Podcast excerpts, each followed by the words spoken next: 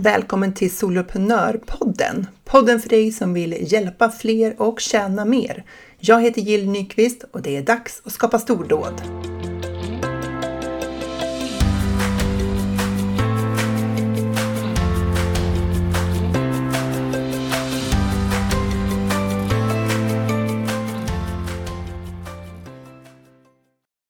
Ofta är vi på väg någonstans i våra företag.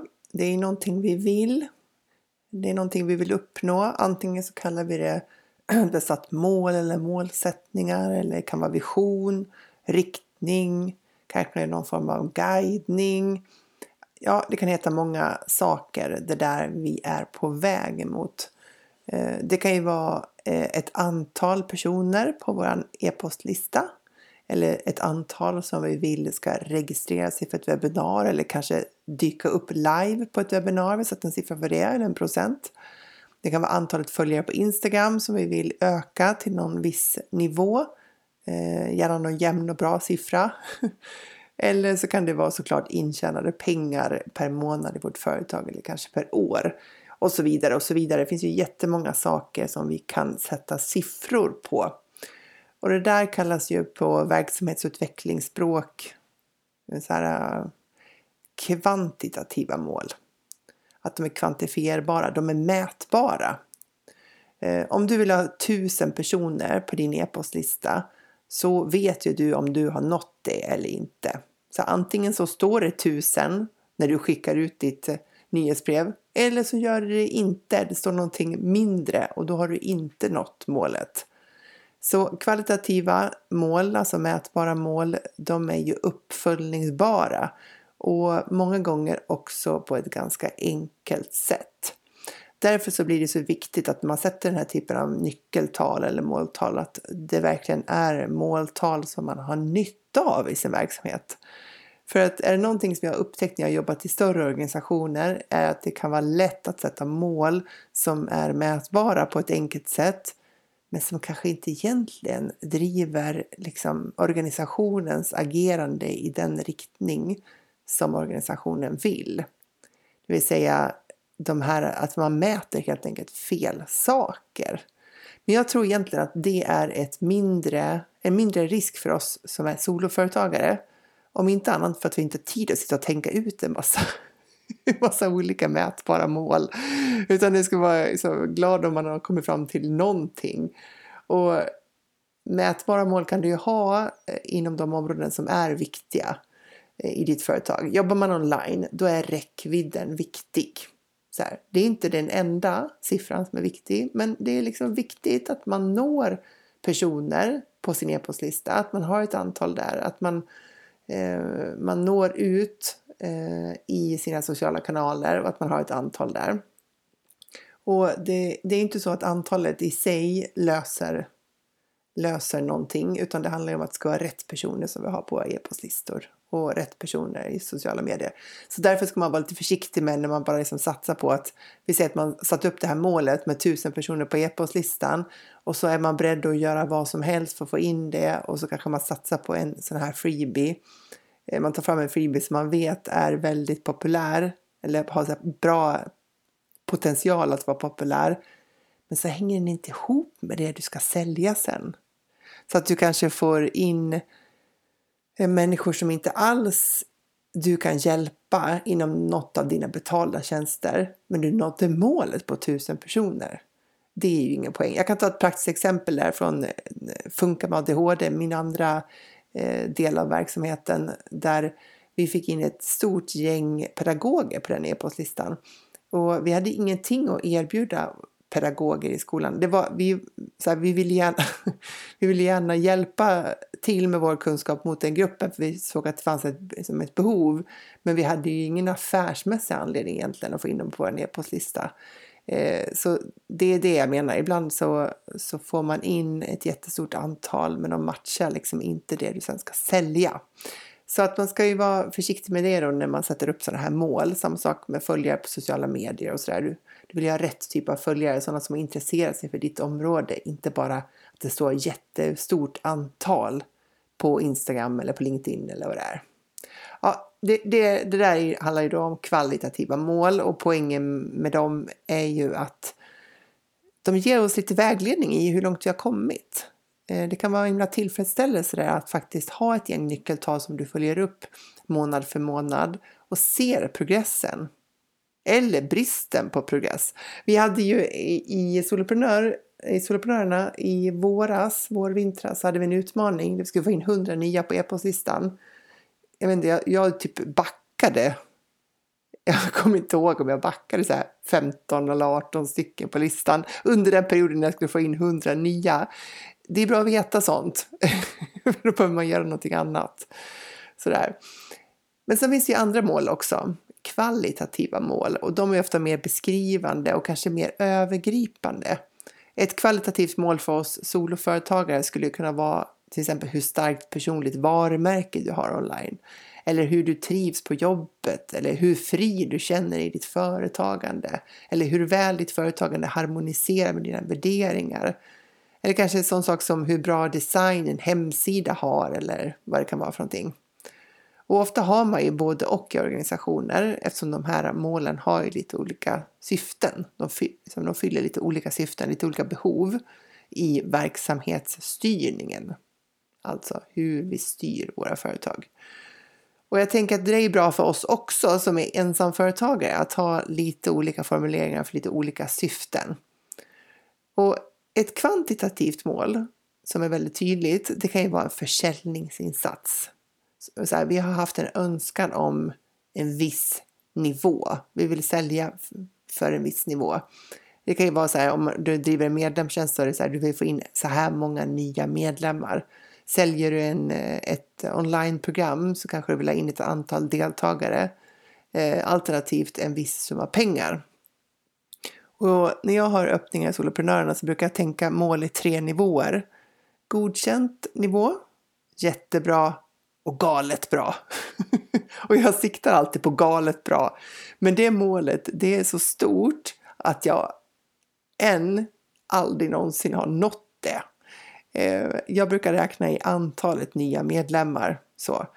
Och eh, det där galet bra målet, det är ju ofta, det är så stort så att liksom, ja, det, jag har aldrig kommit dit. Så varför sätter jag ett mål som jag på förhand vet att jag högst troligt inte kommer att nå? Jo, för när jag gör det, då kommer jag att sikta lite högre i mina förberedelser.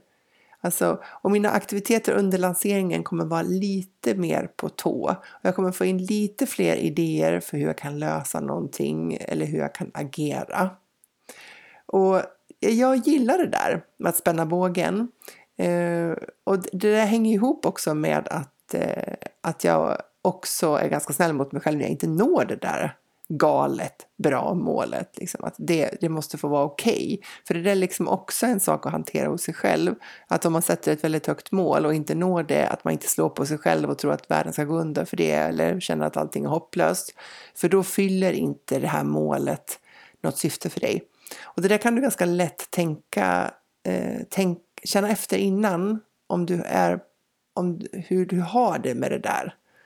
Om du tänker dig att du skulle sätta de här tre nivåerna och så tänker du på den högsta nivån och blir du peppad av den eller blir du skrämd? blir du orolig av den? För att om du blir mer orolig av den högre nivån då är det ju för att du på något vis förutser att någonting dåligt kommer hända om du inte når den. Alltså att du typ kommer att bli så besviken och att du inte vill gå igenom den besvikelsen, du vill inte känna de känslorna Eh, av frustration eller att du kanske tycker att det kommer att kännas hopplöst eller sådär. Eh, och det där, det där vet vi lite grann på förhand. Vi kan checka in och, och lyssna av oss själva lite grann genom att bara tänka på det där, den där nivån och hur det skulle vara att inte nå den. Eller om man känner sig galet peppad och inspirerad bara. Jag känner mig inspirerad. Så, men en viktig sak här för mig, det är ju inte det att, att inte bli helt nedslagen om jag inte når den allra högsta nivån, utan att känna mig nöjd när jag når godkänt nivån eller mittennivån. Att jag inte går runt och grämer mig över liksom, det uteblivna högsta resultatet då. Eh, utan det är ju ännu viktigare att fortsätta vara snäll mot sig själv även när vi inte når liksom, de siffror som vi har satt upp. För så här, jag vet inte hur du har det, så handen på hjärtat. Om du sätter en siffra, eh, antalet med, alltså liksom medlemmar eller kursdeltagare eller kunder eller vad det är. Eh, hur har du kommit fram till den siffran? Eller kanske en försäljningssumma som du vill sälja för. Så hur har du kommit fram till den siffran? Ja, i bästa fall och det mest genomtänkta fallet så har du utgått från ditt försäljningsmål för året. Tagit hänsyn till, alltså försäljningsmål och tänka så här totala mängden intäkter som du har tänkt att sälja för. Eh, och så tar du hänsyn till annan försäljning du har. Och sen utifrån det då så planerar du och räknar ut vad du vill eller behöver få in i den här lanseringen. Så. Men jag vet inte, det där verkar inte vara helt vanligt ändå att man bryter ner det på det sättet. Och kanske gör du som de flesta av oss andra verkar göra. Eh, du griper en lämplig siffra ur luften. Gärna någon som låter jämn och bra eller så. Och det är någon form av magi i det där, för så fort man har gripit den där siffran, även om man inte har räknat fram den, men så fort man har satt ner den, liksom, här, tänkt på den och formulerat den så blir den en sanning. Något som ska uppnås. Och då är det ju också lätt att bli besviken om man inte når den där siffran. Även det var det så, så intressant då. Så kan man bli jättebesviken och tycka att det är superviktigt att nå just den där siffran. Även om det egentligen inte finns någon särskild substans bakom den. Du har bara höftat i någonting för du tyckte att där, det skulle vara kul, det där låter bra. Och även om du har, liksom, om du brukar räkna fram mer noggrant så är det ju fortfarande bara en siffra som du har valt, som du har hittat på. Som du av alla siffror du kunde välja ut så, så föll, liksom, då föll det på det här.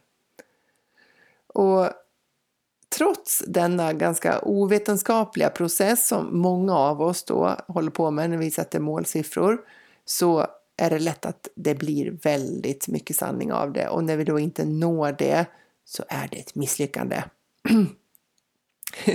Dessutom har jag noterat hos mig själv, och kanske är du lika eller känner igen dig i det, eh, att om jag når den där siffran, då är det okej. Okay. det var ju kul. Men om jag inte når den, då måste jag lägga ner på massa energi på att coacha mig själv runt det. Alltså det är så mycket lättare att haka fast vid ett sämre resultat, om man får ett sämre resultat än vad man hade önskat, och, eh, än vad det är att glädjas åt ett gott resultat.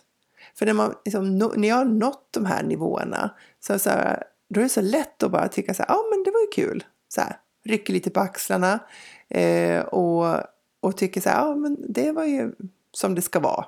Och så bara liksom, du vet, så tar man det lite grann för givet. Eller så här bara, ja, nej men det var ju kul. Och så lämnar man med det. Men om det inte skulle ha gått så, då hade det blivit hell, eh, liksom, riktigt mycket tankar och halabaloo kring det. Och ibland kan vi ju till och med bortförklara våra framgångar. Det här är ju helt galet. Typ så här, nej men åh, alltså se framför dig att du faktiskt nådde ett riktigt bra resultat. Och så börjar du säga, ah, men jag hade ju bara tur och det, det, var ju rätt timing nu eller det var ju tack vare att hon gjorde si eller att han gjorde så. Och det här kan man ju hålla på med även om man faktiskt är ensam i sitt företag. Så börjar man liksom hitta så här, att det var någon annans anledning till att det av någon anledning gick bra. Eh, och, eller så här, att det här resultatet är inte så bra egentligen för den ena anledningen eller den andra anledningen. Har det hänt dig någon gång att du har gjort så att du har hittat förklaringar till varför ditt resultat ändå inte var så bra? Ja, alltså, vad är det för tok att hålla på med sånt? Är inte livet som soloföretagare nog ändå? Är det inte nog körigt och mycket att hantera? Är det att man ska hålla på så där också? Tala om att sätta snubbelben på sig själv. Så om du märker att du gör det någon gång så upphör genast. Första steget är att bli medveten om det där, bortförklaringar av goda resultat. Och om du inte alls känner igen dig i det där, att du inte alls brukar liksom komma på någon form av bortförklaringar till varför du egentligen inte är så där bra. Så bra! Good for you! Mycket bra, fortsätt så! Ett resultat är ju ett resultat oavsett och det ska inte förklaras bort. Ett positivt resultat ska inte förklaras bort med tur eller någonting annat. Men om man får ett dåligt resultat då? Hur ska man se på det? Hur missnöjd ska man vara? Och vet du, jag tänker att vi kan göra en dålig lansering och ändå vara nöjda. Jag tänker till och med att du kan göra en lansering och sälja noll eh, kurser, noll medlemmar, noll kronor och ändå vara nöjd. och då kan man ju undra sig, jaha, vad ska man vara nöjd med då? Jo, våra ageranden, det vi gjorde. För du gjorde en massa försäljningsaktiviteter inom, vi säger att du, du gjorde en lansering av någonting. Du kanske höll webbinar och du vet hur många steg det är. Alltså ta fram presentationen, öva, planera vad du ska säga, genomföra, svettas över om tekniken ska funka eller inte. Och så ska man liksom följa upp med e-mail och det ska vara mail före webbinar, det ska vara mail efter webbinar. Du kanske måste skriva alla från scratch för du hade ingenting att utgå ifrån. Du kanske höll eh, livesändningar där du promotar hela webbinariet eller pratar om någonting annat kopplat till försäljningen. Du kanske gjorde annonser, du kanske var med och pratade i podcast eller kanske har en egen. Ja, inte vet jag. Men du gjorde förmodligen en väldans massa saker när du tänker efter. Och förmodligen så har du lärt dig massor på ditt kampanjande. Och förmodligen så har du fått in ett gäng nya personer på din e-postlista även om de inte köpte den här gången. Så finns de kvar där på din e-postlista. Och jag tänker att förutom alla de här sakerna som vi gör så som i sig själva verkligen är värda att hylla och vara nöjd över så är det också vår utvecklingsresa i det här vår personliga utveckling som vi går igenom när vi faktiskt kliver fram och gör saker som inte kommer helt enkelt för oss. Och jag tänker allt det här sammantaget, både vår personliga utveckling, att vi utsätter oss för, för saker vi tycker är lite läskiga på förhand kanske, eh, och alla de här aktiviteterna, alla lärdomar, det är ju dem vi ska vara nöjda med. Så du kan vara nöjd att du faktiskt gjorde dem att du lärde dig, att du utmanar dig själv på något sätt. Även när de inte gav det där resultatet som du önskade. För resultatet, det där mätbara, kvantifierbara målet som du har satt upp, det är inte hela sanningen. Det berättar inte hela historien. Att du sålde alldeles för lite eller kanske ingenting alls, det är inte allt som finns att säga om det du just har gjort. Men det kan ju lätt bli så, eller hur? Att vi fokuserar på allt det där som vi uppfattar som ett uteblivet resultat. För vad är ett uteblivet resultat? Det är ju ett misslyckande. Och vad tycker vi om misslyckande? Well, i stunden så är det ju svårt att se att de där misslyckandena är stepping stone to success. det är liksom inte riktigt så det känns där och då. Och det är ju här det behövs lite, lite eh, så här, självprat med medkänsla. Lite självcoachning med medkänsla. Att vi fångar upp den där ganska eh, den där ofta ganska högljudda rösten som gör en massa tolkningar åt oss om vad den där siffran betyder och vad den säger om oss. Och inte bara vad den säger om oss här och nu utan också vad den säger om vår framtid. Eller ibland då brist på framtid. För den där rösten som gör tolkningarna i sådana här situationer är sällan särskilt munter. Ehm, det, det är ofta lite så här domedagsstämning över den där rösten som pratar om vad det betyder att vi nu har det här misslyckandet. Så. Så därför tänker jag att vi behöver zooma ut från siffrorna. Alltså siffrorna är intressanta, vi kan lära oss massor av det. Så det här, det här avsnittet handlar inte om att vi inte ska bry oss om siffror, utan det handlar om att se helheten. Att rikta fokus på det som kanske långsiktigt är det allra mesta viktigaste. Det du utförde, det du tänkte och det du gjorde.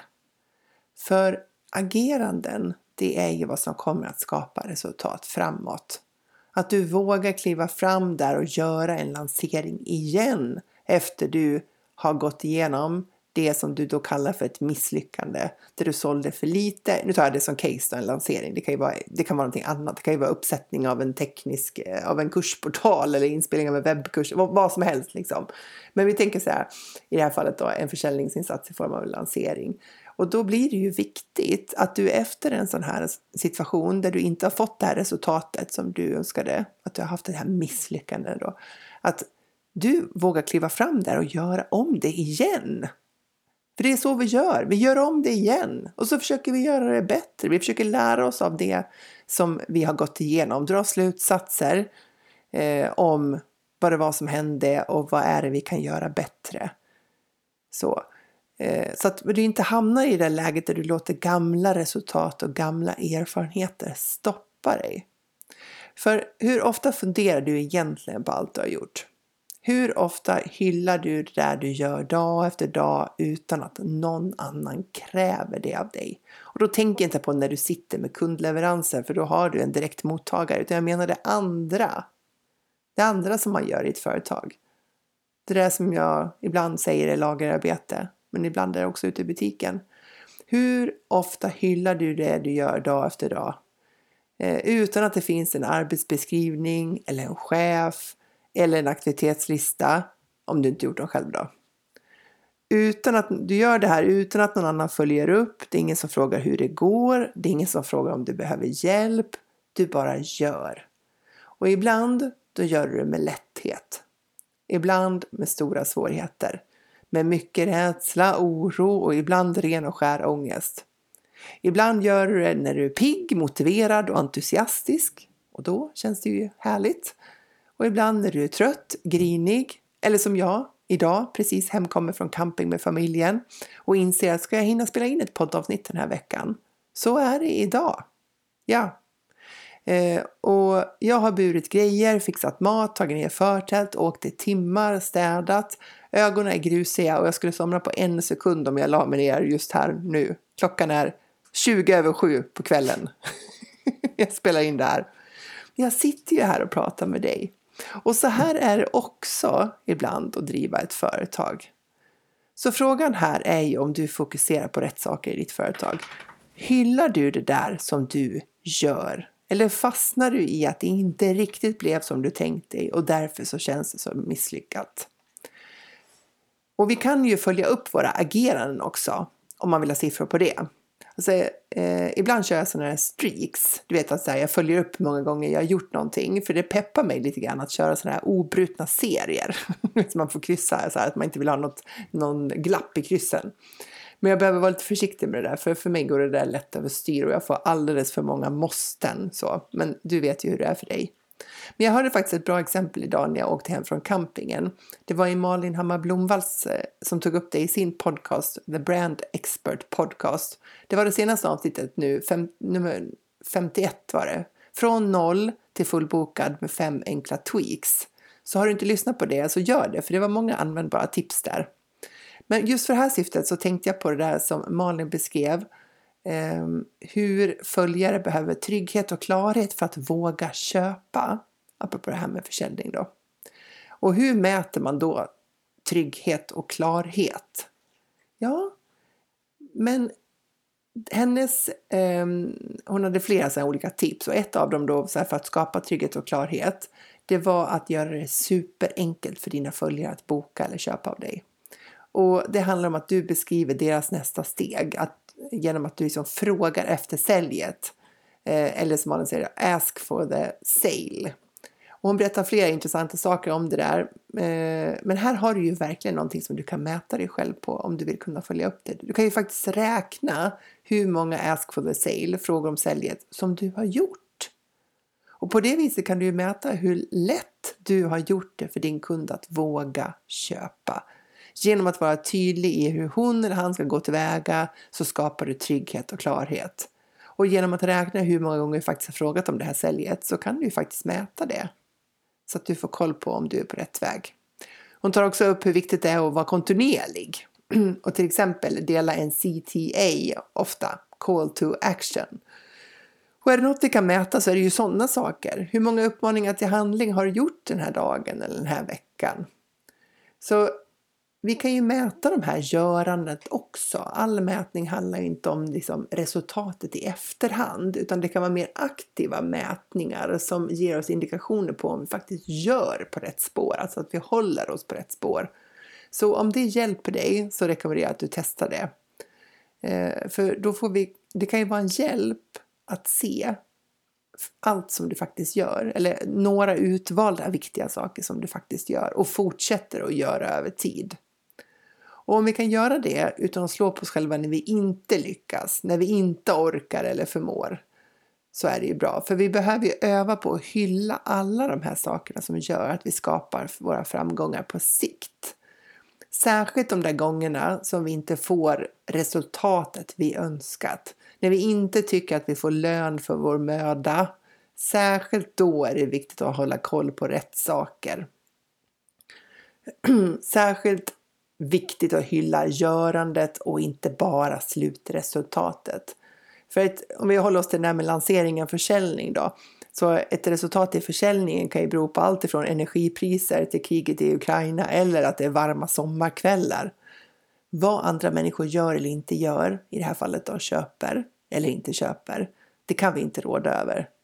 Och, men vi kan och ska göra vår del för att hjälpa dem att fatta ett beslut. Men i slutändan så är det deras val och det är ju som det ska vara. Inget fel i det. Så jag vill bara uppmana dig, bjuda in dig till att du ska komma ihåg och hylla rätt saker. Det du gör och fortsätter att göra som tar dig mot dina stordåd.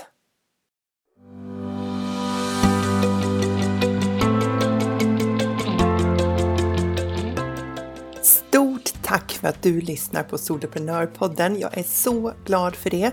För att du inte ska missa när ett nytt avsnitt kommer ut så prenumerera gärna på podden i den poddspelare som du använder så vet du att du alltid får en notifiering när det är dags för ett nytt avsnitt.